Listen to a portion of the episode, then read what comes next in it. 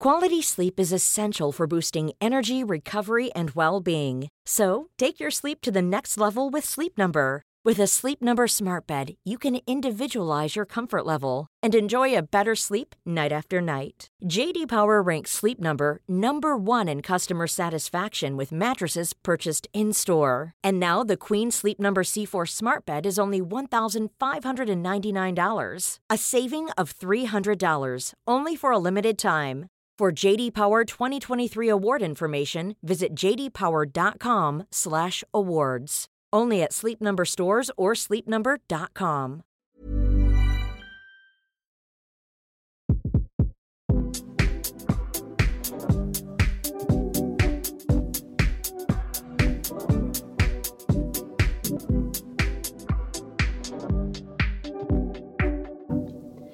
Da er vi good to go. Jeg har til og med kobla i ledningen. Fun fact for en tid tilbake. Så satt jeg her hjemme i stua mi, spilte en hel podkastepisode. Så var det ikke noe lyd på det opptaket etterpå. Og da så jeg at å ja, jeg hadde tatt i feil ledning, for jeg hadde to mikrofoner liggende på bordet. Så sånn går nå dagene. Men nå ser jeg, svart på hvitt, holdt jeg på å si, at rett ledning er i rett hull. Alltid lurt å treffe rett hull. Ja, det er i grunnen det. Det er alltid også lurt å dobbeltsjekke. Vi er jo egentlig ganske rutta på dette med lydtester. Tar alltid ei lita lydtest i tilfelle. Ja, og jeg gjorde jo det da òg, men uh, da var det jo tidligere opptak som ble spilt da. Ja, samme det. Du, velkommen til ukas episode, både til deg, Silje, og alle dere hundretusener som lytter. Nå skal vi kose oss, for vi skal snakke om trening. Trening, for nå er det straka veien inn i oktober måned. Og det er jo digg. Og vi har snakka om det, Pia, at vi har lyst til å ta for oss rett og slett styrketrening og muskler og hvorfor vi trenger styrketrening og hvorfor vi trenger muskler. Og hele den sulamitten der, den skal vi gå i dybden på nå i oktober. Yeah, jeg gleder meg. Jeg elsker muskler. I'm in my muscle era. Så dette blir, dette blir en bra måned, kjenner jeg.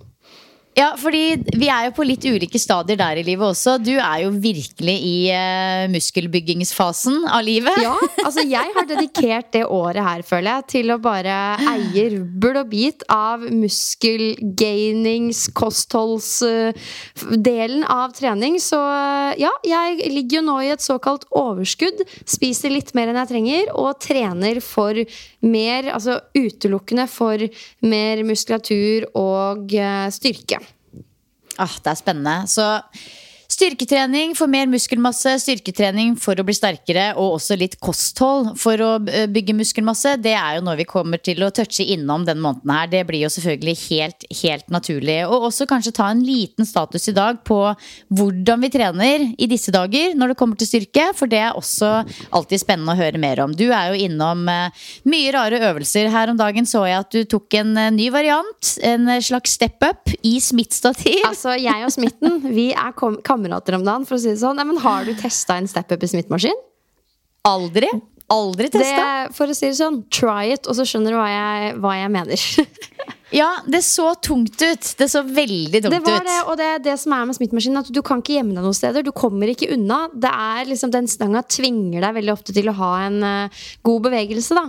Så um, nei, nei, jeg liker det. Følg med på Instagrammen min. Der kommer jeg til å legge ut noen tutorials på den øvelsen, fordi vi har den på programmet nå i oktober, da.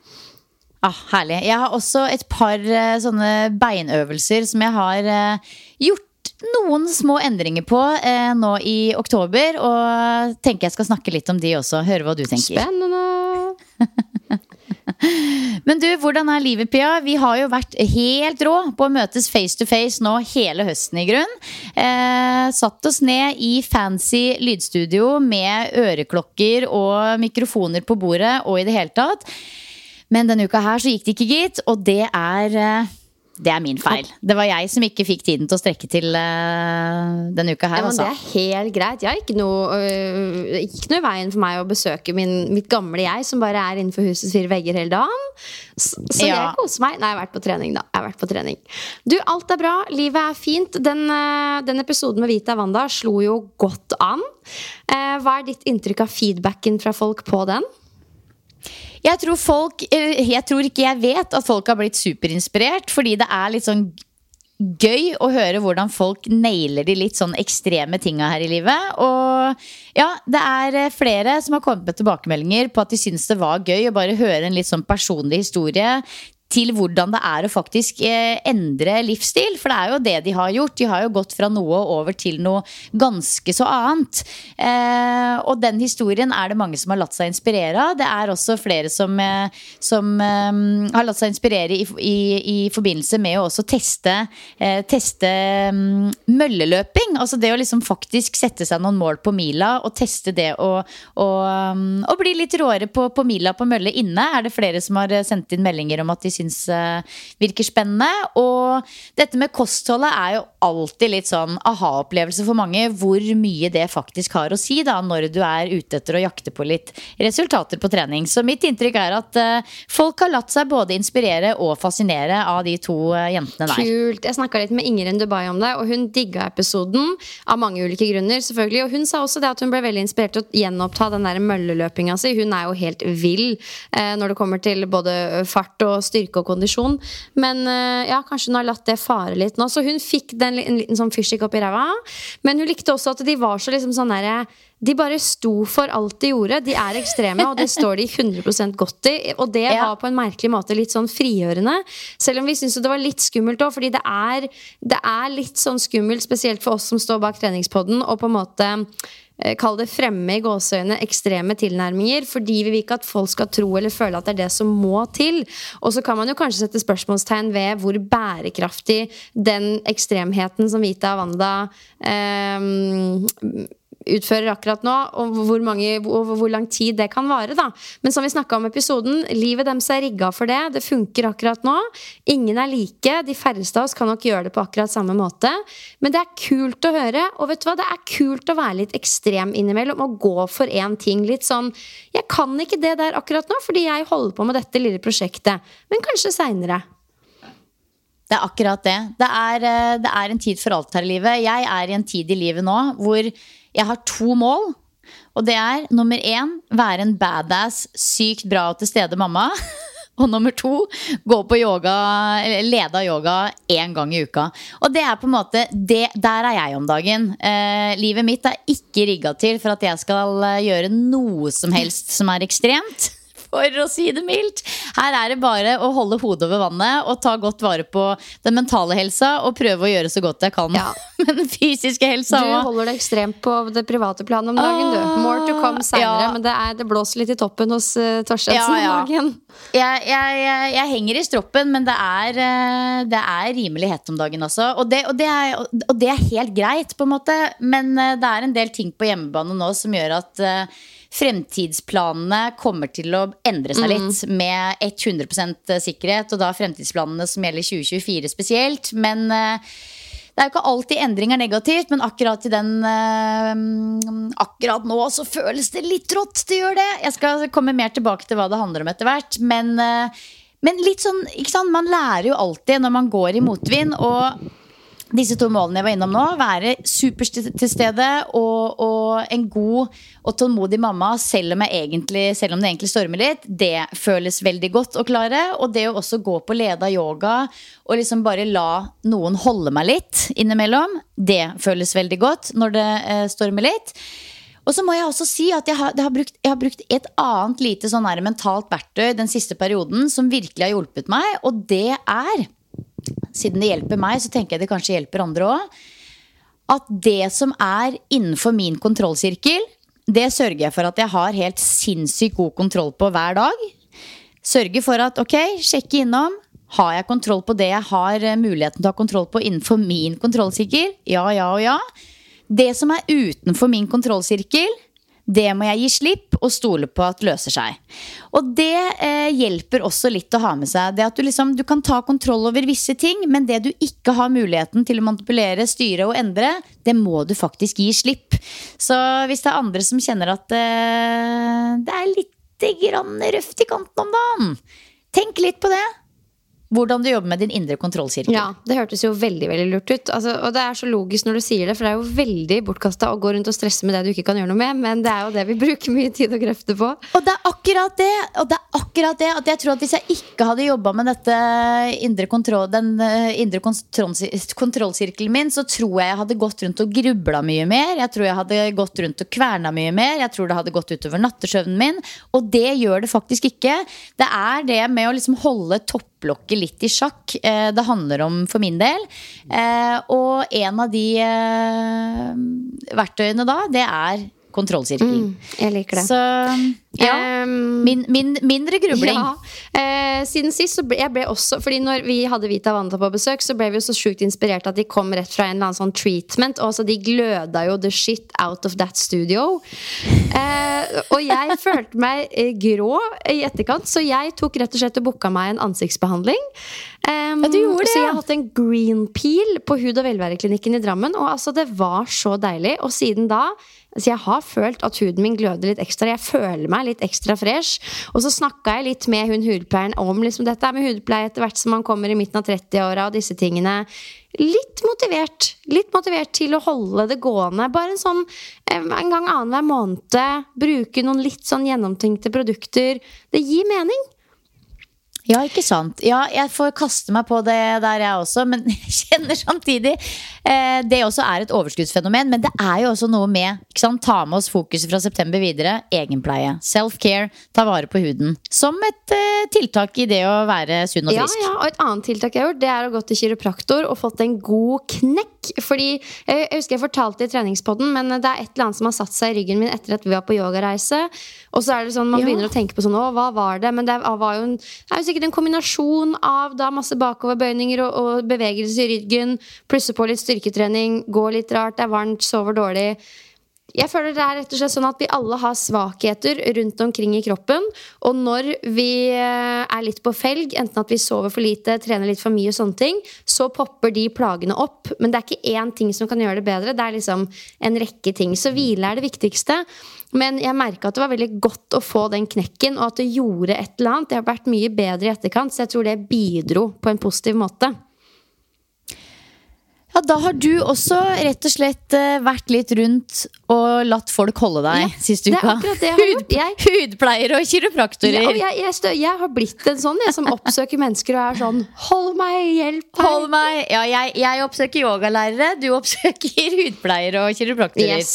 Ja, men det er jo Ja, altså, det høres, eh, det høres veldig fornuftig ut. Det gjør det. Og det er jo liksom Ja, Ja. ja, og det siste jeg, gjør, jeg holder jo også på med denne kostholdsoppfølgingen. Det har vi om. Og jeg føler jeg har vært veldig sånn Dette er dritbra, og det funker så bra, jeg spiser så masse, og det bare flyter, og woho. Eh, men eh, nå etter helgen så hadde jeg en liten sånn kjip opplevelse.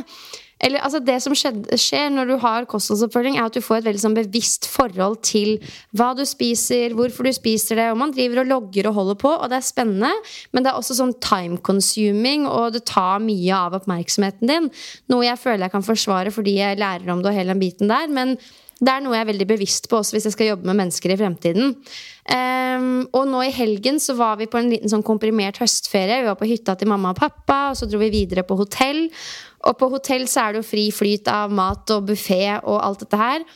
Og et par sånne ting gjorde at ting ble litt stress, og jeg var litt sånn uforberedt. Så jeg hadde veldig liten oversikt over hva jeg fikk i meg når, og jeg endte opp på en sånn liten binge, som vil si at du bare, egentlig bare spiser alt du kommer over på den buffeen, og sier litt sånn fuck it til absolutt alt. Og koser deg. Noe som er helt innafor. Men da kjente jeg på et lite sånn ikke, Jo, litt stress i forhold til at å, nå fikk jeg ikke det inn i loggen. Jeg merka på meg sjøl at jeg hadde spist masse sukker og dritt, og jeg følte meg ikke noe bra. Og jeg følte at den opplevelsen ble litt sånn forsterka av at jeg ikke hadde kontroll på matloggen, og at jeg liksom måtte ta opp dette her med den ernæringscoachen i etterkant. Samtidig så er det jo veldig mye læring i det. For det er jo en eller annen grunn til at man da velger å gå litt sånn amok i buffeen og spise mer godteri enn man trenger. For meg så er jo det en form for liksom beroligende strategi. Da føler jeg meg rolig og trygg oppi noe som er litt stress. Um, men akkurat det der var litt kjipt, for vanligvis hadde det bare vært sånn ja ja. Ta, snakkes liksom, det har ingenting å si. Men nå ble den opplevelsen litt sånn forsterka. Så det var, jeg hadde bare lyst til å nevne det, fordi som sagt, jeg føler jeg har vært veldig sånn Dette er bare fryd og gammen, ikke noe problem. Og jeg trives fortsatt veldig godt med det. Men det er sånn, det går ikke på skinner hele tiden. Og ved å ha en sånn oppfølging, så tvinges du til å dykke inn i ting, øh, situasjoner ved mat som man vanligvis ikke hadde hengt seg så mye opp i. da, På godt og vondt.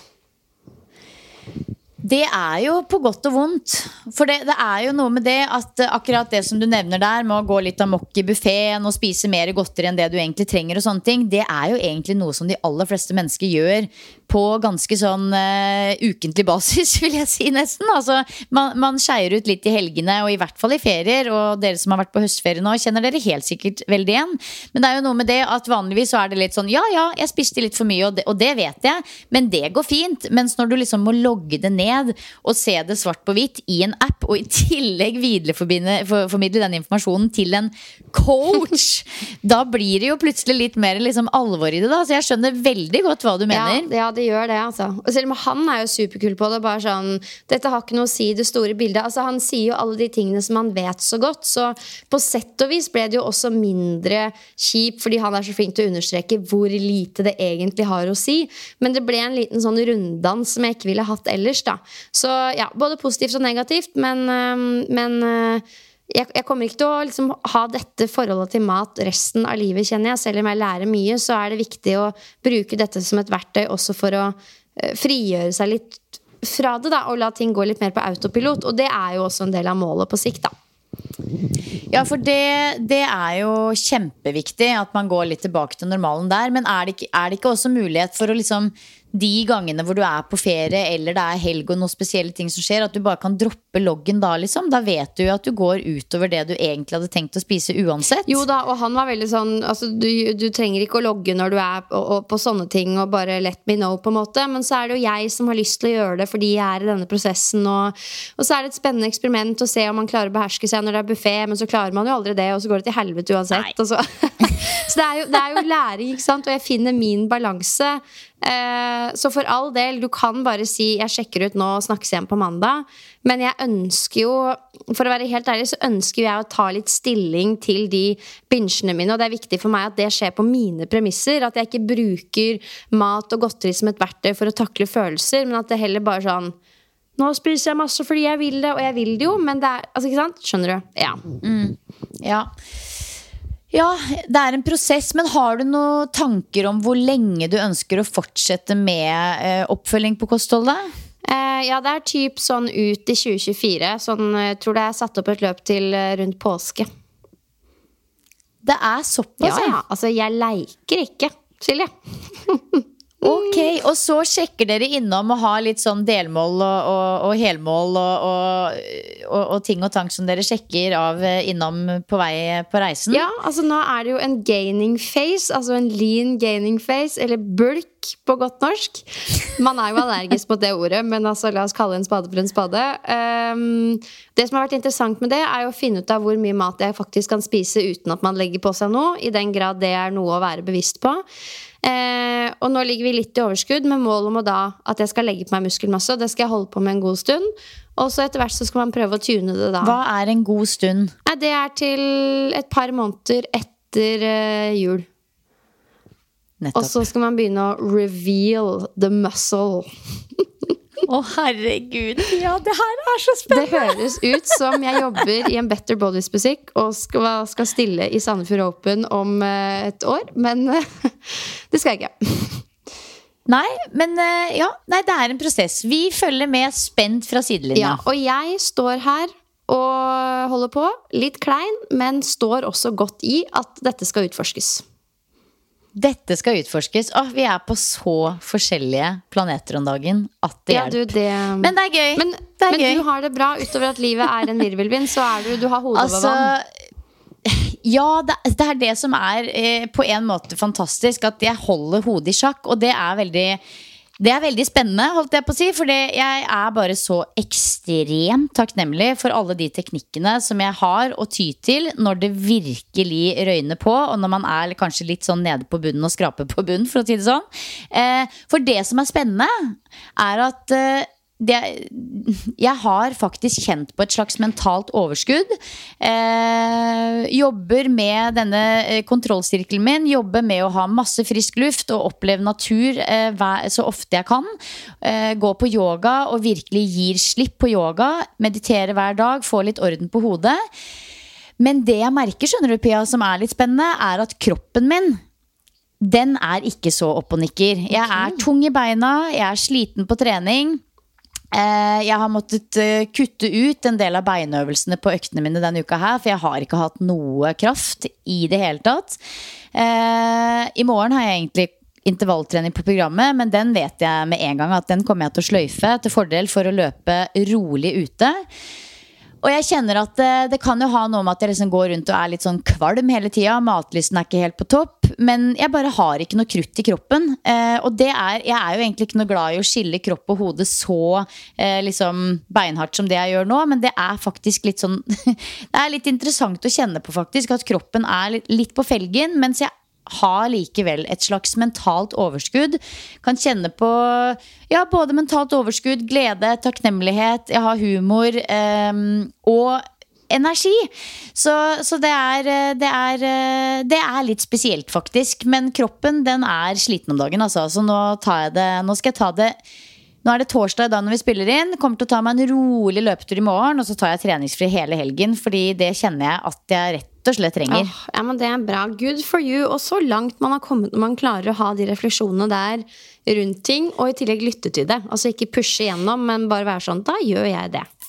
Da gjør jeg det. Og så koser jeg meg så sykt med ungene om dagen. Jo, de har jo høstferie nå. Jeg har litt sånn der halvveis høstferie og halvveis jobb. Jeg jobber egentlig, men prøver liksom å gjøre hyggelige ting mellom slaga. Spise middag ute og gå mye på tur og gjøre sånne ting etter jobb. Eh, de har vært på fotballskole.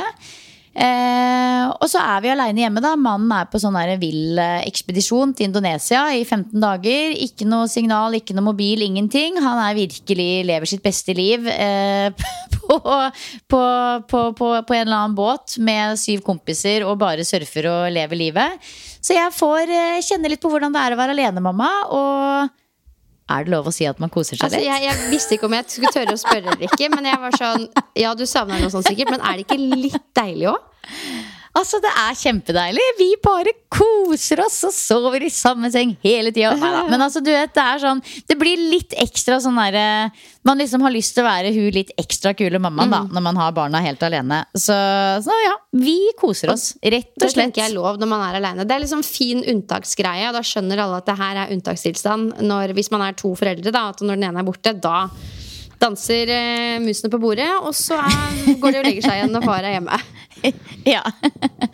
Oi, oi, oi. Du, dette ble en lang, liten sånn her eh, personal eh, input på, på, på, livet. Men sånn er det jo. Vi, vi, vi har jo et liv på sida av treninga òg, har vi ikke det? Mm, det er så vidt, men ja. Det er så vidt. La oss snakke litt om muskler.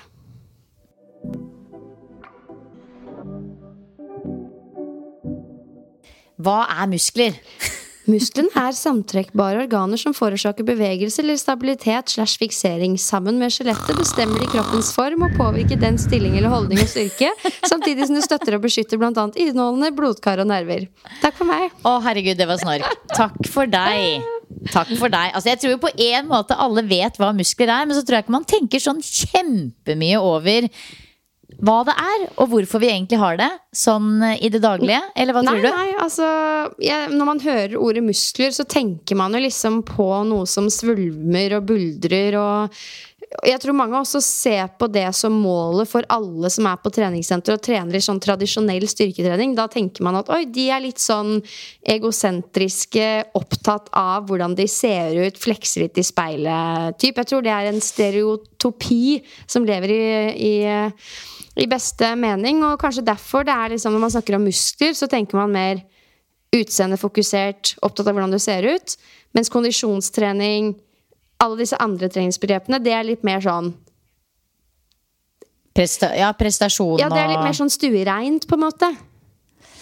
Ja, jeg vet ikke. Jeg, jeg føler ikke Jeg skjønner hva du mener. For jeg tror med en gang man snakker om eh, trening for å bygge muskler, så, så tenker man jo eh, automatisk på at man ønsker å bygge muskler for å se ut på en viss måte. Ja, Man tenker at det er relatert til utseendet, og så er det ikke nok kunnskap om alle helseeffektene ved å ha mye muskelmasse på kroppen.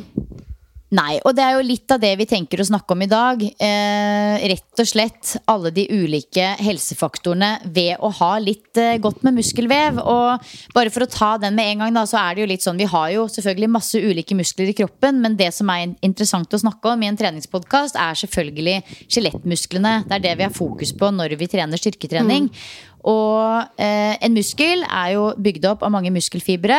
og Oppgaven til musklene, veldig kort forklart, er å skape bevegelse.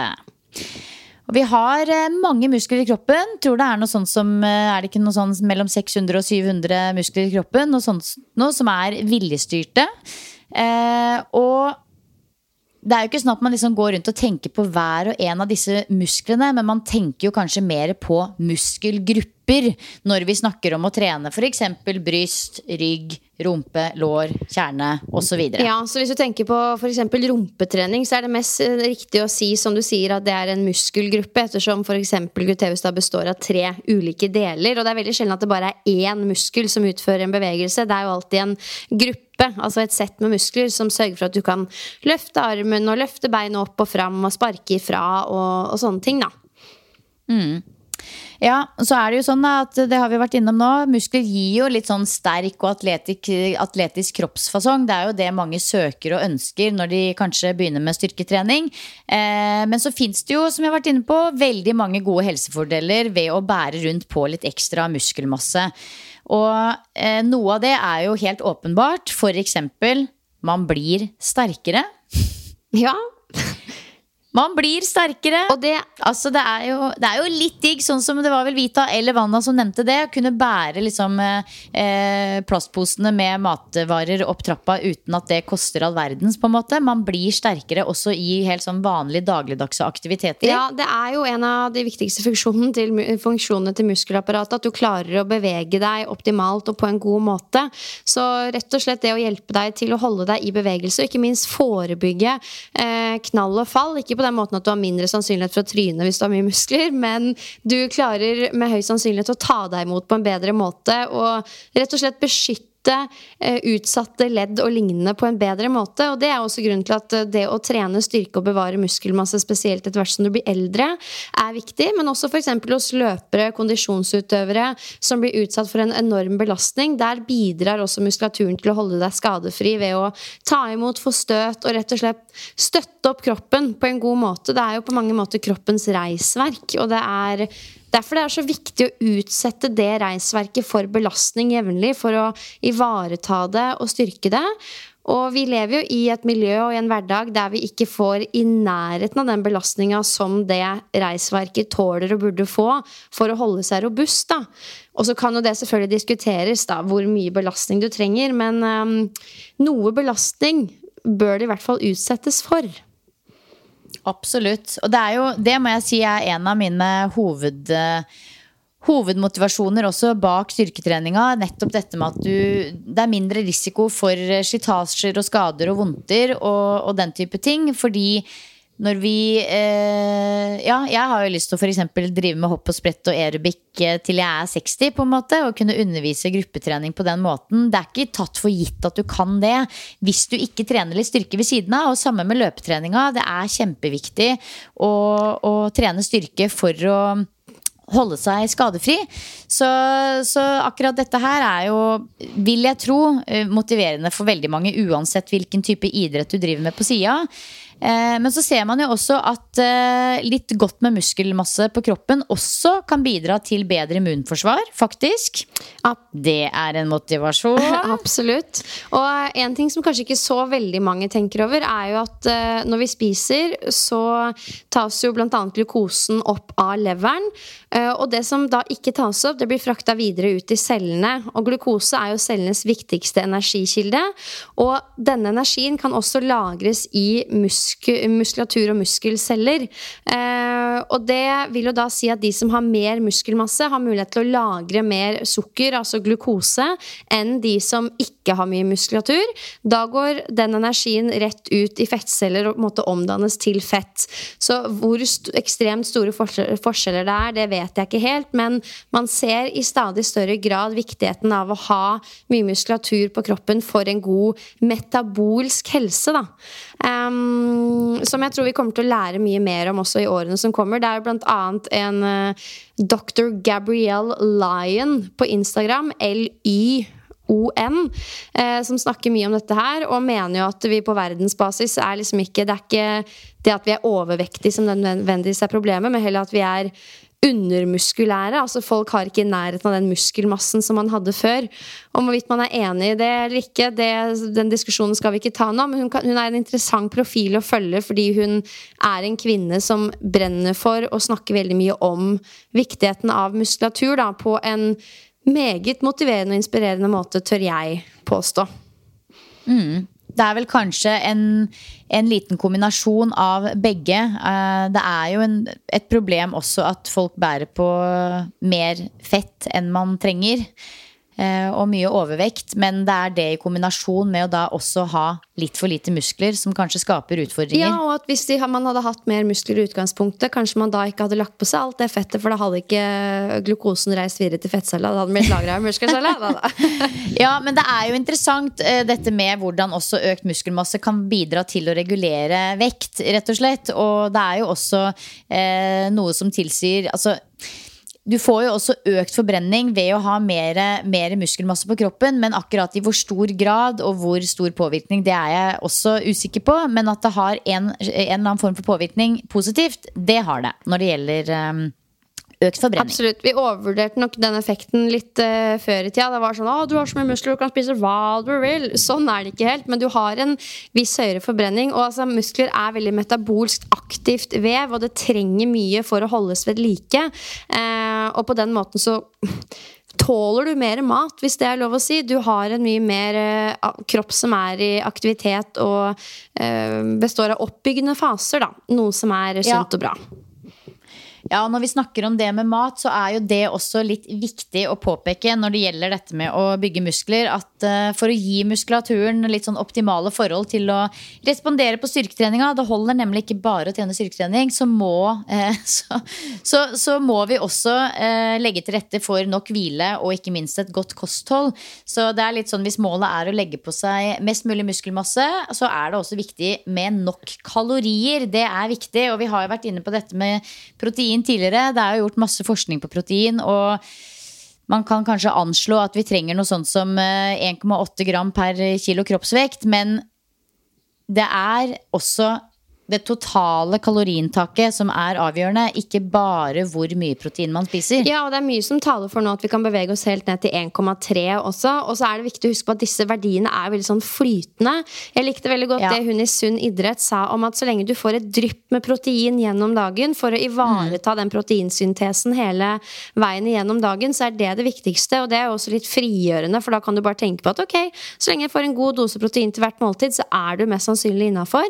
Eh, og bare det kan være utfordrende, fordi det er veldig mange måltider i dag som består av eh, suboptimale mengder med protein. da. Ja, det er faktisk akkurat eh, den metoden jeg har eh, tenkt på når det gjelder protein. Eh, som jeg egentlig begynte å liksom tenke mer på idet jeg kutta ut mye kjøtt i kostholdet. Så har jeg alltid tenkt at ok, jeg spiser tre hovedmåltider om dagen og kanskje et ekstra måltid i form av kveldsmat.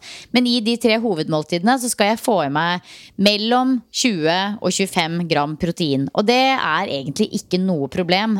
Det går helt fint med eller uten kjøtt, egentlig.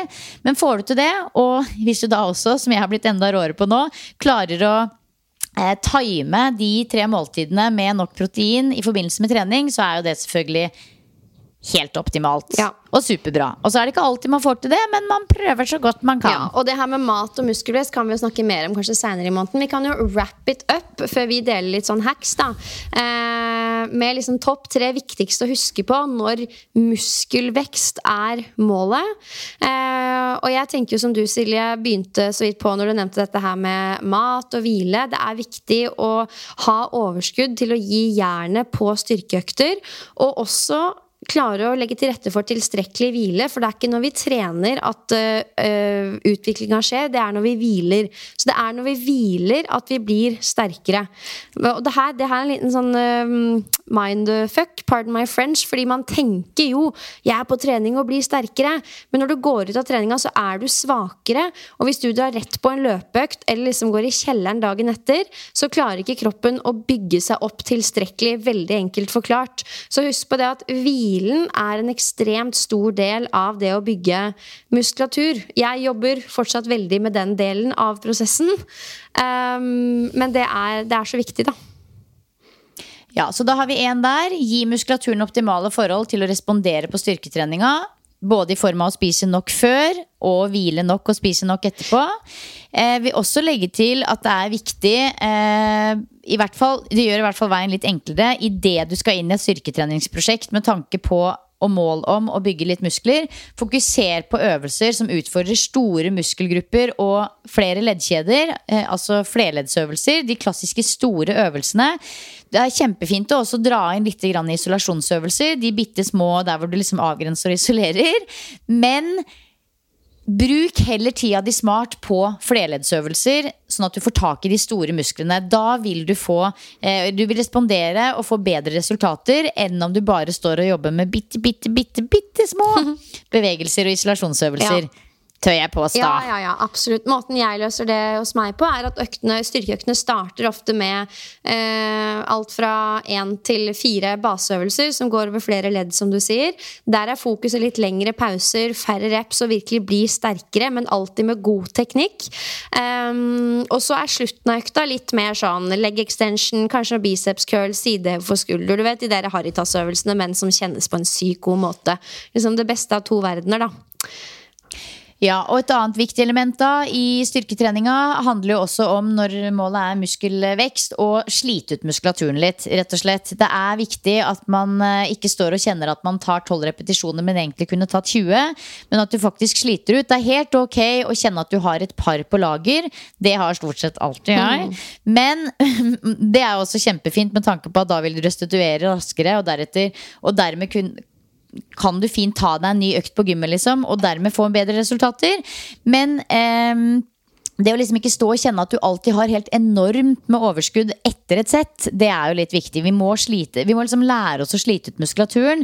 Muskelutretning, rett og slett. Og om det er åtte repetisjoner eller om det er 12 eller 16, det er ikke så viktig når målet er muskelvekst. Men du må kjenne at de, de skal koste litt, de siste repetisjonene. Yes, Så det var det siste tipset. Så da har vi nummer én ha overskudd til å gi jernet på økter. Altså det er når du hviler at du blir sterkere. Nummer to, vær smart med øvelsesutvalget. Gå for flerleddsøvelser og ha fokus på å bli sterkere også. Det er rom for litt isolasjonsøvelser, men, eh, men fokus på det. Og, og, nummer tre, du må tørre å trene hardt nok. Det skal virkelig kjennes. Og det er noe som kommer med tid og trening. Og det er også fordelen ved å følge et program over tid når vi snakker om styrketrening. Da blir du kjent med deg selv i en øvelse, og det er litt lettere å vite hvor mye du kan pushe deg. Når du har gjort en øvelse øvelse i tre uker, så er du godt kjent, og du vet at ok, her ga jeg ganske mye mer siste uke. Det er der jeg skal ligge nå. Ikke sant? Man har mm. noe å strekke seg etter. Mm. Uh, men ja, åssen henger den på styrketreningsfronten for din del, Silje? Nei, altså nå har vi Det går jo så utrolig fort denne høsten her. Altså, jeg lagde meg jo et uh, nytt program som jeg har fulgt nå siden begynnelsen av august.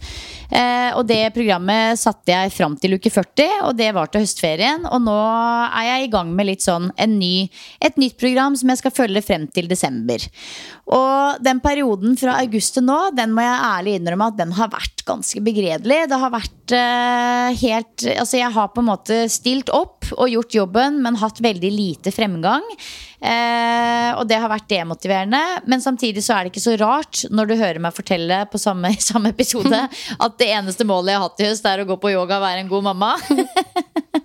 så, så, så, sånn sett så er det kanskje ikke så rart. Og jeg må ærlig innrømme at liksom, ja, jeg har lagd et nytt program. Jeg kjenner en glede over å begynne på det nye programmet nå.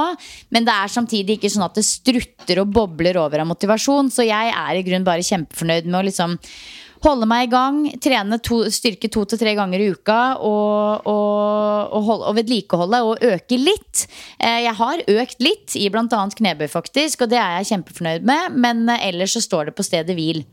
Men jeg tenkte jeg skulle nevne Jeg har alltid altså det er, altså, jeg er ikke noen sånn kjempefan av bulgarsk splittbøy, men det er vel egentlig, hvis vi skal være helt ærlig, ikke noen som er det. Nei, jeg tror ikke det er liksom uh, godøvelsen for noen. Nei, nei, og den har jeg lagt inn i programmet mitt igjen nå. For jeg har nemlig hatt en annen type utfør på programmet mitt de siste tolv ukene, mens nå er det en ny Uh, utfallvariant, selv om dette er jo, hvis jeg skal være helt korrekte, ikke en utfall. Men jeg bytta ut utfall med bulgarsk splitt fra nå. Og sånn jeg har løst det, for jeg er jo ikke noe glad i den øvelsen, det er at jeg rett og slett bare har gjort en bitte liten endring.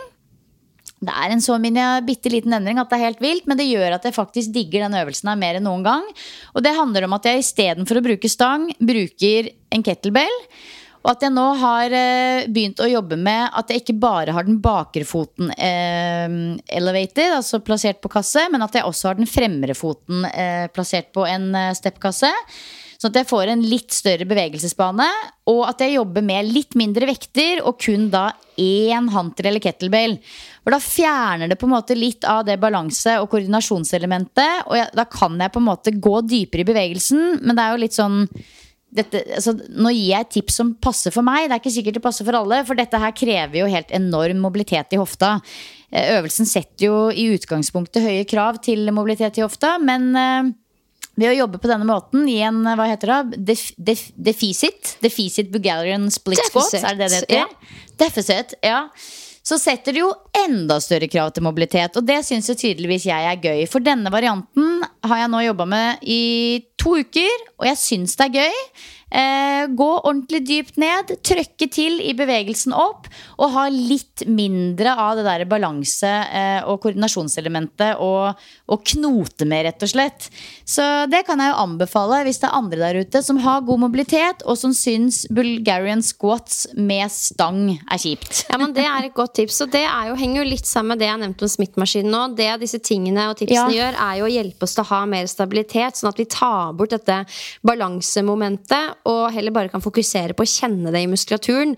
Noe som er viktig når vi snakker om styrke og muskelvekst. Så jeg føler at nå er vi litt tilbake til det at vi ønsker å bare gjøre det enklest mulig å kjenne det i muskulaturen. Og så er det a time and a place for everything. Hvis du ønsker å utfordre balanse og koordinasjon, så er jo det en annen greie, men det kommer litt an på hva du vil ha ut av øvelsen, da.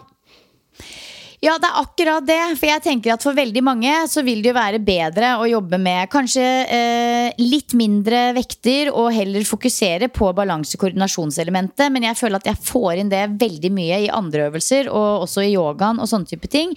Så i den øvelsen her for meg nå, som i utgangspunktet er en brutal øvelse uansett, så jeg har bare lyst til å fokusere på eh, muskelfokuset, rett og slett. Og når den kettlebellen blir for lett, så kan du gjøre det samme i smittmaskin. Ja, jeg må vel kanskje bevege meg inn der etter hvert. For den blir jo på samme sted. Slipper akkurat det samme problemet. Det er helt konge. ja, ikke sant? Altså, det har vært et bitte lite sånn minihack i mitt styrketreningsprogram nå framover. Bare for å liksom få en liten boost av motivasjon i en øvelse som i utgangspunktet er ganske fæl. Mm. Nice. Um, ja, og ellers må jeg bare si at kalk har blitt min beste venn. Nå er det på et sånt nivå at hvis jeg glemmer kalken hjemme, så føler jeg at da liksom det er nesten ikke verdt det. hvis du skjønner Da kan jeg liksom bare gå og løpe en intervall på mølla isteden. Nei da, så ille er det ikke. Men uh, jeg har blitt uh, rimelig avhengig av kalk i veldig mange øvelser. Så er det jo viktig å påpeke at det er jo ikke alle gym som tillater kalk.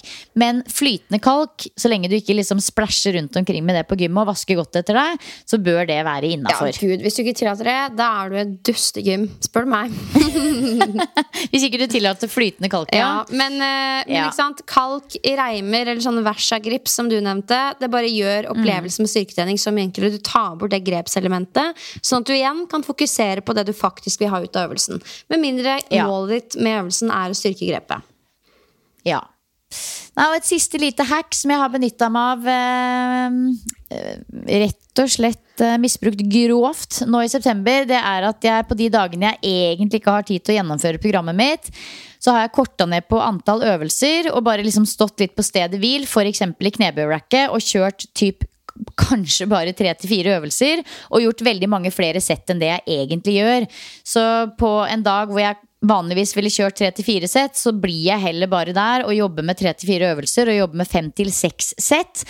Og føler i grunnen at jeg får veldig godt utbytte av det også, og kanskje jeg til og med klinker til med eh, å kjøre noen tunge knebøy, og så avslutte med lette knebøy og så mange repetisjoner som jeg klarer, bare for å slite ut muskulaturen. Så det er bare litt sånn derre Litt sånn derre små hacks som gjør at jeg på en måte får det til, selv om jeg egentlig ikke har tid. Så um, det er sånn jeg løser det om dagen. Åh, og det er så, Jeg har bare lyst til å avslutte on that note. Det er fordi den perioden du er inne i nå, Silje, når det er stress og livet handler om alt mulig annet enn trening, det er da så mange detter av og liksom bare tenker nå driter jeg i det. Jeg starter heller på nytt i januar. Men da, er du, da har du tråkka så mange steg tilbake. Magien ligger i å være en som møter opp på den ene eller den andre måten. Noen perioder så er du on a roll, alt sitter. Andre perioder så må du ta litt korte løsninger. Du får bare gjort halve øktene, men du fortsetter å møte opp. Og det har sinnssykt mye å si for både vedlikehold og også til og med kanskje utvikling. Eh, det skal ikke så mye til for å vedlikeholde resultatene du har. Og jeg tror mange overvurderer hvor mye som faktisk skal til for å bygge muskulatur også. Ref det at du trenger tilstrekkelig med hvile. Mange har nok vent seg til å hvile veldig lite. Eh, Så fortsett å møte opp. Vær en Silje. Fortsett å møte opp. Ja, og bare behold den gode vanen. For det er liksom noe med det at det er fort gjort å liksom kanskje starte den diskusjonen med seg selv og tenke sånn Men herregud, jeg har jo egentlig ikke tid. Er det noe poeng i å sette på vekkerklokka kvart, kvart på seks for å gå på gym og gjøre tre til fire øvelser? Men ja, det er faktisk det. Fordi nummer én, du vedlikeholder den gode vanen. Og nummer to, du vedlikeholder styrken og muskulaturen. For det må jeg bare si, det har vært noen litt eh, sånne halvveisøkter i det siste. Og jeg har til og med også bytta ut en del av styrkeøktene innendørs til fordel for å gjøre det i hagen med en 16 kilos kettlebell. Bare fordi jeg vet at den mentale helsa mi trenger dagslys og, og frisk luft. Og jeg har ikke blitt noe svakere, og så vidt jeg vet, ikke mista noe muskulatur heller. Så det er fint mulig over en ganske lang periode å vedlikeholde helt fint, og til og med øke litt, selv om du går litt ned på, på, på treningsmengden. Altså, det høres helt bakvendt ut, men det er sant. Det fungerer. Yes. Og når livet tillater det, så gønner du på Vita Wanda-style. Ja, og det, altså, det, og det er jo det som er. Gjennom en litt sånn lang hva skal jeg si, treningskarriere så vet man jo det at de periodene kommer igjen. De periodene kommer igjen, så du vil alltid få muligheten til å trene deg opp. Og du får muligheten til å vedlikeholde. Du får muligheten til å trene deg opp, og du får muligheten til å vedlikeholde. Så sånn er det.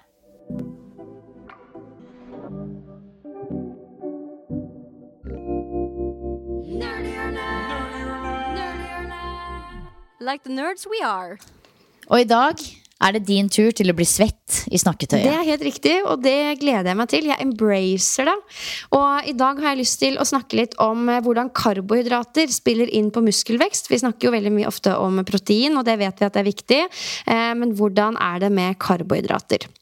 Eh, For før i tiden så trodde man at man må vedlikeholde glykogenlagrene, altså karbohydratlagrene i kroppen, for å unngå at aminosyrer, altså proteinene i kroppen, blir konvertert til glukose og dermed energi, framfor å bli brukt i nettopp det de skal, oppbyggende prosesser, som muskelvekst. Dette vet vi nå at ikke stemmer. Karboinntaket kan fortsatt påvirke proteinbalansen via insulin, og sånn, men det er en litt annen diskusjon. Det meste av forskning som er gjort i nyere tid, finner ingen effekt av karbohydratinntak på muskelvekst isolert sett over en periode på et styrkeprogram. Ketogene dietter, f.eks., der man inntar veldig veldig, veldig lite karb, og i noen tilfeller null, eh, gir tilsvarende resultater på muskelvekst som kosthold med et høyere karbinntak, sett at proteininntak og energiinntak totalt sett er tilstrekkelig og det samme. Ja, så her er det jo igjen viktig å understreke at det er det totale kaloriinntaket som er avgjørende. Stemmer. Så i et Ja. konkret studie fikk man kroppsbyggere til å utføre 15 sett med base- og liksom kombinasjonsøvelser, som vi snakka om tidligere, flerleddsøvelser, etterfulgt av fem sett med isolert arbeid for fremside lår, så ganske sånn intense styrkeøkter. Og så i etterkant at de kun hadde tømt 26% av glykogenlagrene de hadde i musklene. Så det skal altså veldig mye til for å gå tom når man trener styrke, og man er aldri i nærheten av å gå tom på samme måte som man gjør når man øh, jobber med kondisjonstrening over lengre tid. Da. Så så lenge du ikke trener fastende, det må man ikke gjøre, eller det bør man helst ikke gjøre hvis man trener styrke og muskelvekst. Og så lenge man ikke gjør det, så er det ikke nødvendig med masse karbohydrater før eller etter trening, egentlig. Når protein, proteinbehovet er møtt, som det er sånn ish minimum 20-30 gram for en økt, så vil ikke karbohydrater gi noe tilleggseffekt. Med mindre du er en person som kjenner at du trenger litt sånn det lille søtsuget. Man har jo for, forresten, eller for eksempel sett at bare ved å få noe søtt på tunga, uten at du faktisk inntar det, men du bare kjenner den lille smaken, så får du en boost, da. Så um, for all del, liksom en, eh, et glass melk og em, et halvt eple eller noe sånt før uh, styrkeøkta kan ha en psykologisk god effekt, men uh, det er ikke avgjørende for å verken ha en god ekt eller liksom de faktiske resultatene du får, da. Ok, så da bare for å liksom ta det ut i praksis her da. Si at du er en person som liker å morgentrene, og du liker å morgentrene trene tidlig. Så det er ikke aktuelt å ta en frokost før økta, men da vet vi nå at det er viktig å få i seg noe. Før en kondisjonsøkt eller kanskje sirkeltrening eller noe som krever litt intensitet, så vil det være lurt å innta noe kjapt som inneholder både karbohydrat og protein. Eh, mens hvis du er en person som skal trene styrke klokka seks på morgenen, da vil det være like greit å f.eks. ta en proteinshake eller et par glass med melk for å gjøre det enkelt. Stemmer, det er tilstrekkelig. Eh, og så er det lurt å få i seg mat etter trening, men det henger mer sammen med konseptet om energitilgjengelighet, som vi snakka om for noen episoder siden, og at du bør liksom fokusere matinntaket ditt rundt uh, treninga. Men det måltidet etter trening kan like gjerne bestå av bare protein og fett, som protein, fett og karbohydrater. De karbohydratene har ikke noe å si for muskelveksten isolert sett over tid. Men kan jeg bare spørre, eller du, jeg vet ikke om du har lyst til å dele det, da, men i ditt kostholdsopplegg, der hvor målet er å øke muskelmasse, du ligger i et overskudd nå. Er det eh, mye karbohydrater i det opplegget ditt? Ja, det er veldig mye. Og det er et veldig godt spørsmål. Så for eksempel Vita Wanda, da, som vi snakka med sist uke, de har nok godt av å tenke litt ekstra på karbohydrater før etter trening, fordi de løper så mye og driver med mye utholdenhetstrening. Det samme gjelder jo til dels meg, dog ikke i like stor grad, fordi jeg nummer én trener mye ofte, og to har krevende økter i f.eks. trent med mye pust og pes og puls, men det er jo ikke i nærheten av det Vita Wanda holder på med. Men jeg må tenke litt på det, altså. Men etter styrkeøktene så er det ikke avgjørende å spise masse karb før eller etter for å ha en god session. Protein derimot, det har vi jo nevnt, det er viktig for å sende de rette mm, signalene. Men når vi snakker om liksom inntak totalt sett, så må vi jo ligge et energioverskudd. Og for min del så er det masse karbohydrater fordi jeg liker det, og jeg liker å spise meg mest, mm, mett på masse mat. Karbohydrater inneholder fire kalorier, fett inneholder ni kalorier, så jeg kan spise mer mat når jeg spiser mest karbohydrater kontra fett. Det er hovedgrunnen til at jeg velger den strategien. Men for muskelvekst isolert sett så er det ikke noe sånn kjempestor fordel ved å velge da eh, mye karbohydrater framfor f.eks. fett. da. Så det er jo fint å vite for de som ønsker å ligge et overskudd og legge til rette for muskelvekst, men ikke er så glad i å spise mye mat. Da kan man eh, med fordel øke fettinntaket, spise litt mer nøtter, fet fisk, avokado, oljer, sånne ting, og oppnå det samme overskuddet uten at du må spise masse volum, da. Ja. Så eh, ok. Men litt sånn der vanlig eh, Hva skal jeg si anbefalinger på dette med karbohydrat og fett og protein. Da, man kan jo få lov, litt som du sier nå, hvis målet er muskelvekst, å flekse det litt selv ut etter hva man selv foretrekker.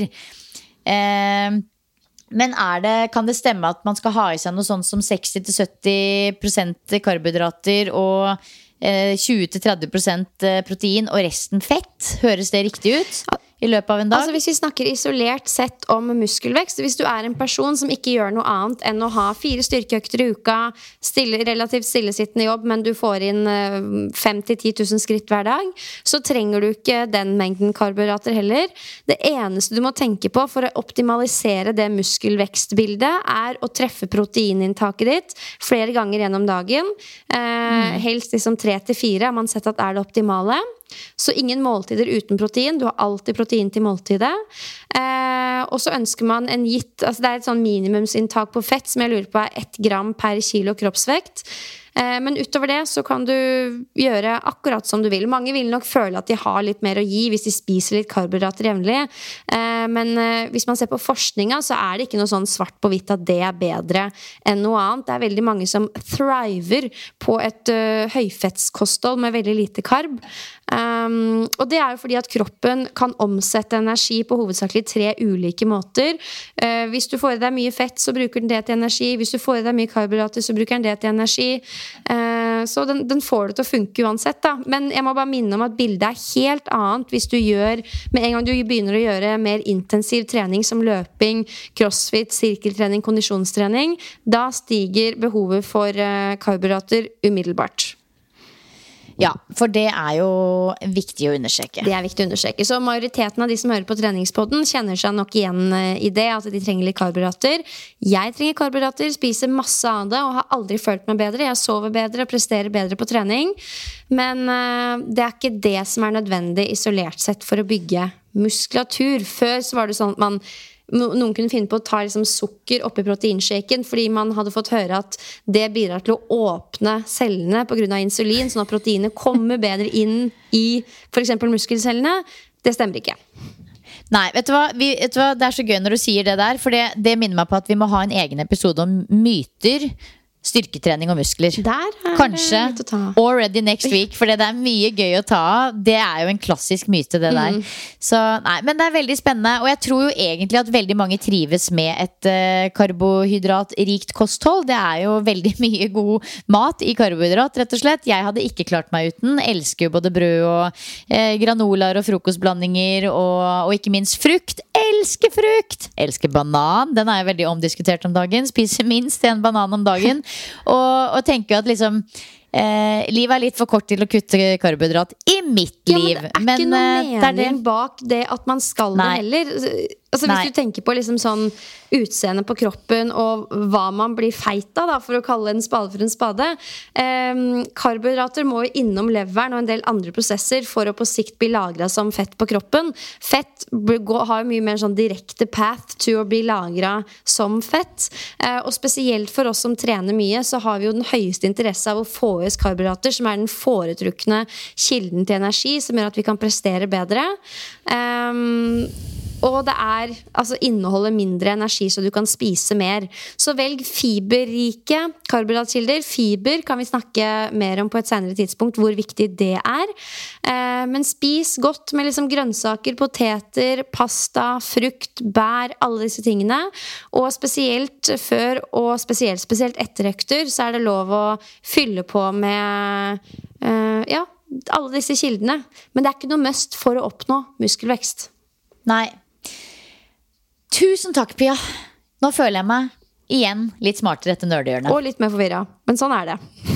Jo, jo, nei, men det er jo det som er. Jeg bare føler at jeg føler meg veldig veldig inspirert til å eh, i mye større grad fordele maten min smartere utover dagen. Og det har jeg virkelig hatt med meg nå de siste ukene. Og forrige uke så følte jeg faktisk at jeg liksom hadde litt boost på trening, men denne uka her så har det vært så bånn i bøtta. Så det er liksom vanskelig å Det er veldig vanskelig å adressere hva som fungerer og hva som ikke fungerer. Men det er uansett en filosofi som jeg skal støtte meg på i en god periode fremover. Bare for å se hvordan, det, hvordan jeg responderer, da. Dette med god energitilgjengelighet eh, før og etter trening, rett og slett. Så der igjen fikk vi jo på en måte bekrefta at det er viktig. Enig. As a person with a very deep voice, I'm hired all the time for advertising campaigns. But a deep voice doesn't sell B2B, and advertising on the wrong platform doesn't sell B2B either. That's why if you're a B2B marketer, you should use LinkedIn ads. LinkedIn has the targeting capabilities to help you reach the world's largest professional audience. That's right. Over 70 million decision makers all in one place. All the big wigs, then medium wigs. Also small wigs who are on the path to becoming big wigs. Okay, that's enough about wigs. LinkedIn ads allows you to focus on getting your B2B message to the right people. So, does that mean you should use ads on LinkedIn instead of hiring me, the man with the deepest voice in the world? Yes. Yes, it does. Get started today and see why LinkedIn is the place to be to be. We'll even give you a $100 credit on your next campaign. Go to linkedin.com slash results to claim your credit. That's linkedin.com slash results. Terms and conditions apply. Quality sleep is essential for boosting energy, recovery, and well being. So, take your sleep to the next level with Sleep Number. With a Sleep Number smart bed, you can individualize your comfort level and enjoy a better sleep night after night. JD Power ranks Sleep Number number 1 in customer satisfaction with mattresses purchased in-store. And now the Queen Sleep Number C4 smart bed is only $1,599, a saving of $300 only for a limited time.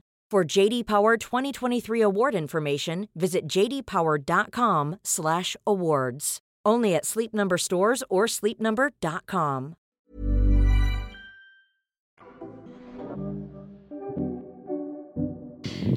Silje, vi avslutter jo alltid med ukas boost, med mindre vi er gjest, da, for da blir det ikke tid til det. Vi, altså, vi hadde ikke tid til det når Vita tar er her. Nei, men det burde vi egentlig spørre gjestene om òg. Hva er din ukas Ja. boost? Det er jo en kjempefin greie, egentlig, så det må vi bare huske på når vi har Ja, det er bare så sykt mye å snakke med de om. Men ja, la oss huske det til neste gang. Um, Ja. Men ja, hva har vært din boost siden sist? Du, jeg har en fantastisk grønn, deilig, fresh boost, og det er Oslomarka. Altså, jeg har brukt naturen mye nå i september, og rett og slett den enkle naturen som bare er liksom sette meg i bilen, kjøre et kvarter ut i marka, det har vært en kjempeboost for meg. Eh, og tenkte det, og bare liksom tipse alle som eh, fortsatt ikke vet om det, eller kanskje har glemt det, om alle disse fantastiske eh, turistforeningshyttene med deilig gjærbakst. Altså, de gjør jo sport i å liksom servere de diggeste kanelbollene og skolebollene og godteribollene og jeg vet ikke hva der ute langt ute i Gok. Eh, og vi gjør også sport. Jo.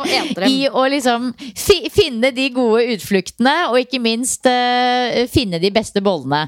Så bare her i liksom området hvor vi bor, så er det jo Vi er veldig glad i Kjenningstua. Der har de verdens beste Du vet, jeg aner ikke hva de har, alt mulig rart, men masse forskjellig mat og bakevarer og Godteriboller og alt mulig rart. Brunkollen har gode skoleboller. Kobberhaughytta, kanelboller.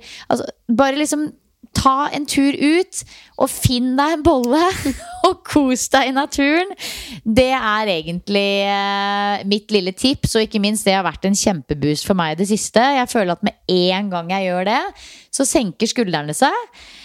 Jeg kan puste, og alt annet Altså alt av liksom bekymringer er ikke bekymringer lenger, på en måte. Det er en veldig fin måte å connecte med nuet på, og det er en fin måte å få gode samtaler og fine opplevelser.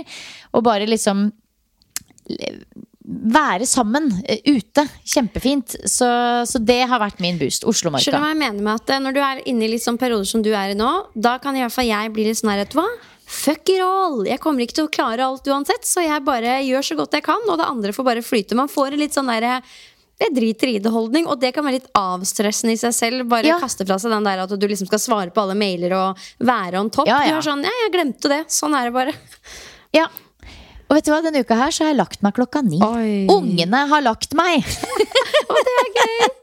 Sånn har det blitt. Og det er ikke tull engang! Det er ikke tull engang. Men jeg har til gjengjeld stått opp grytidlig hver morgen, da, for det har vært veldig mye greier som skal fikses. Så stått opp ekstremt tidlig. Så det er liksom sånn, nå er det bekmørkt ute, liksom, i noen timer før, eh, før resten av dagen begynner. Men eh, ja, lagt meg klokka ni og liksom lest i gåsetegn. Men da har jeg jo bare ligget og lest i åtte minutter, og så har jeg slokna.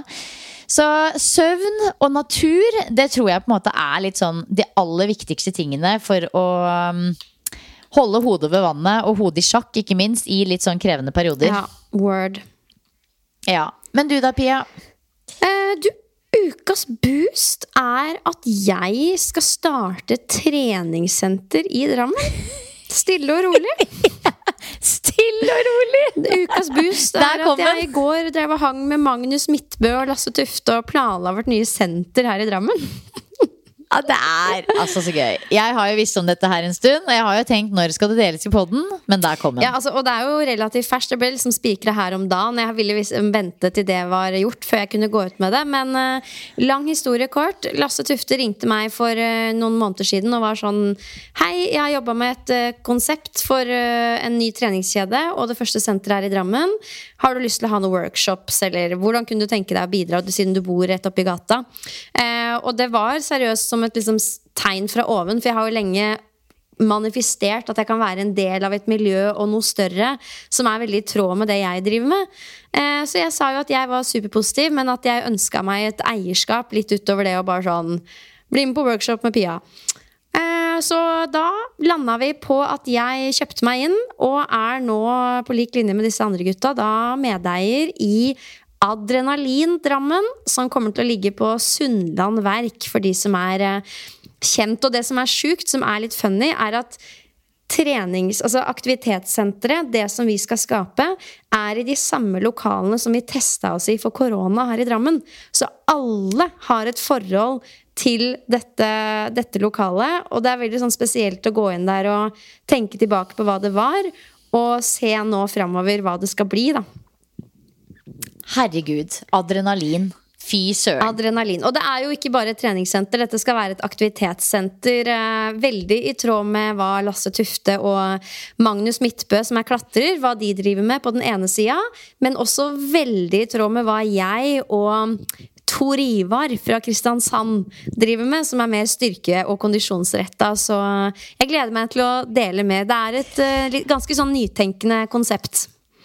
Å, fy søren. Jeg er altså så sykt gira på det opplegget her, og gleder meg helt vilt til jeg og familien får invitasjon til å komme og teste hinderløyper og det ene og det andre på adrenalin.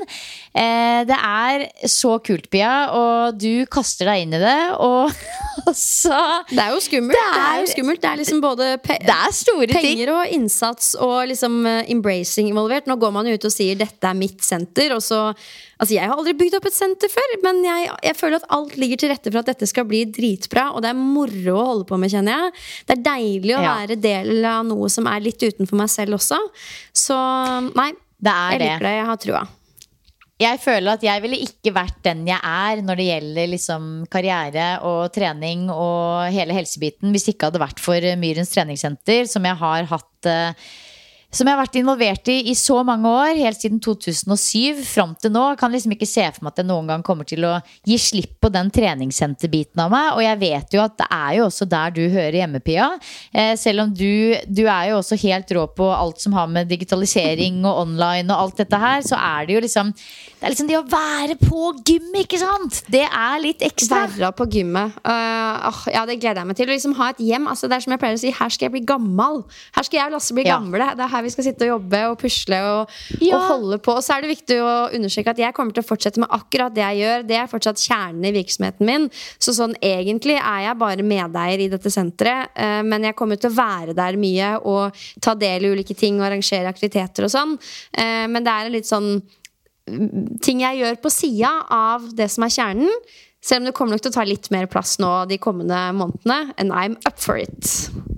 Det blir vel kanskje et lite treningspodden-event der på sikt? Det, det kan hende. Altså, jeg kommer til å bo og sove der de kommende månedene. Nei, Ja. men jo da. Å, fy søren. Altså, du har et barn du, som kommer til å bli sånn her Ninja Turtle som bare svinger seg fra, fra ring til ring. Altså, det er bra noen skal bli det, for jeg er jo, spesielt for de som kjenner meg, er jo ikke akkurat en Ninja Turtle. Så um, Nei, og det er ikke jeg heller. Altså, jeg blir helt uh, matt av meg sjæl. Det må jeg bare ærlig Ja, men det, er, innrømme. det, det er det som er så eh, gøy, for jeg håper at vi får til et miljø der hvor de som trener hardbarka styrke, ser bort på denne adrenalinriggen og tenker, vet du hva? Kanskje. Og så kommer Lasse Tufte, tar deg i hånda, jekker ned disse hindrene, og så viser han at du kan! Og på samme måte, disse hinderløpmenneskene som eh, løper og har det moro, kommer litt inn i styrkeverdenen og ser hvor viktig det er for å kunne fortsette å drive med det de gjør, da. Så um, kanskje det er utopi å skape noe sånt, men eh, jeg har trua. Ja, vet du hva? Og det har jeg også. Jeg tror det er veldig, veldig i tiden vi er i nå. Det er i hvert fall smukkfullt eh, på klatreverk hos Myhrens. Ikke at det er noe Det er jo på en måte litt noe annet igjen, men samtidig, folk vil gjerne bruke kroppen på ulike måter enn bare det å eh, løpe en fire ganger fire, på en måte, og utforske ulike måter å bevege seg på. Eh, og så tror jeg veldig på det å liksom gjøre ting som eh, som familie også, hvis det er noen mulighet for det. At man liksom kan være aktive sammen. Alle disse klatreparkene og, og, og trampolineparkene og alt dette her går jo så det synger etter. Så jeg har kjempetrua. Ja, vi må få med kidsa. Det er sånn jeg er på minisatsen. Så er jeg, sånn, jeg, jeg leverer Sylvester på minisats, så går jeg og trener. Men jeg vil jo ha med meg han på løftinga. Jeg vil Ja. at vi skal gjøre annethvert sett knebøy, liksom. Og det, Ja. det håper jeg Kanskje ikke helt det vi skal skape, men det skal, det skal være et aktivitetssenter der, der det også er masse rom for barn, da. Ja, det er helt rått. Jeg gleder meg veldig til å komme på besøk. Det er jo sikkert bare noen uker til. Ja, det, han, altså, De sier så medio november, så det er planen. Sjekk ut adrenalin.no hvis du er nysgjerrig. Jeg måtte jo bare skyte det inn, da. Ja, fy søren. Å, jeg gleder Det blir meg. gøy. Alt dette her blir spennende. Ja, Det er gøy, og det er spennende, og det er mye ting som skjer om dagen. På godt og vondt. Ja, Silje, vi Men, gleder oss eh, til en uh, tydeligere update fra deg også. Det kommer til å, Ja. Alt kommer til å ordne seg akkurat sånn som det skal. Ja da. Ja da. Jeg tror eh, På samme måte som at jeg går og lar meg holde hos yogalærer en gang i uka, så tror jeg universet, universet holder meg litt også. Det gjør det, og det er Så- en mening, selv om det, man blir jo sånn Hva er meninga her? Det er alltid min reaksjon når noe Mm. sånn kjipt og merkelig skjer. Så blir jeg sånn Jøss, hva, hva prøver Ja. vi? Hva, er, hva skjer her nå? Ja, ja. Nei, jeg også har i grunn uh, hatt litt den innstillingen der, altså. Jeg har hatt et par uh, dipper, men eh, stort sett positiv. Så det er bare å krysse fingrene. Det du kan trøste deg med, er jo at NIH Convention 14. oktober nærmer seg, og der skal vi begge bidra med timer, og det gleder vi oss til. Ja, fy søren. Jeg tipper jo at vi som vanlig ser en del av dere lyttere der. I hvert fall dere som er eh, i treningsbransjen på den ene eller andre måten, eller bare veldig i gjennomsnittet ekstra opptatt av trening. Jeg skal holde Zuma-move og yin-yoga. Du skal holde Eh, en X-Fit-time med egen kroppsvekt. Ja, og jeg tror vel Nei, jeg tror ikke. Jeg vet at vi i etterkant av den eh, helga der kommer til å gi en liten update på livet på Norges idrettshøgskole. For der er det jo som vanlig, det bugner av foredrag og, og workshops og god informasjon om det nyeste innen trening, kosthold, helse osv. Så, videre. så dere lyttere skal selvsagt få lov til å være med på den reisen der. Ja, det blir spennende. Åh, nå er det på tide å wrap it up. Vi har jo bikka timen som vanlig. Vi. Hva skjer med oss om dagen? Det er nerdehjørnet. Ja, det er det. Ja, det, er det. Men det, altså nerdhjørnet skal vi aldri slippe på, bare så det er sagt. Nei, det skal vi aldri slippe på. Nei, men vet du hva? Fantastisk, dere. Da ønsker vi dere lyttere en strålende uke. Og så poddes vi også neste uke. Det gjør vi. Ha det bra. Ha det bra.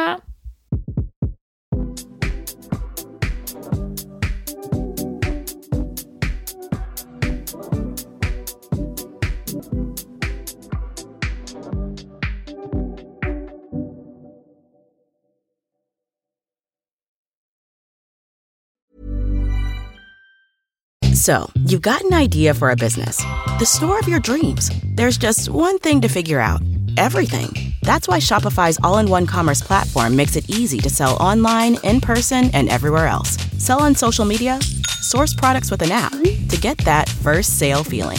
It's the only solution that gives you everything you need to sell everywhere you want. So, when you're ready to bring your idea to life, power it up with Shopify. Sign up for a $1 per month trial period at shopify.com slash listen.